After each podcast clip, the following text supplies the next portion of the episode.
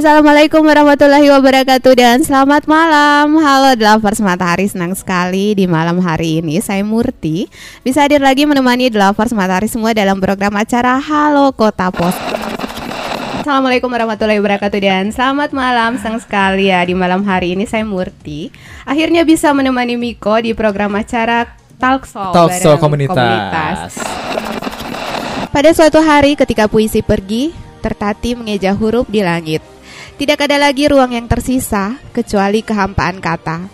Semua kosong seperti sepi, begitu juga malam ini. Hanya ada sebaik kenangan di hati. Oke, malam ini saya akan membahas sedikit tentang kenangan. Being an announcer is one of the hobbies that can create happiness. Happiness can come from anywhere, including in the broadcast room, even if only accompanied by a computer, microphone, headphone, and other devices. Happiness can entertain many people through the airs. Happy to be able to play our favorite songs. Maybe I can say the broadcast room is a magic room that can make our dreams come true and create happiness.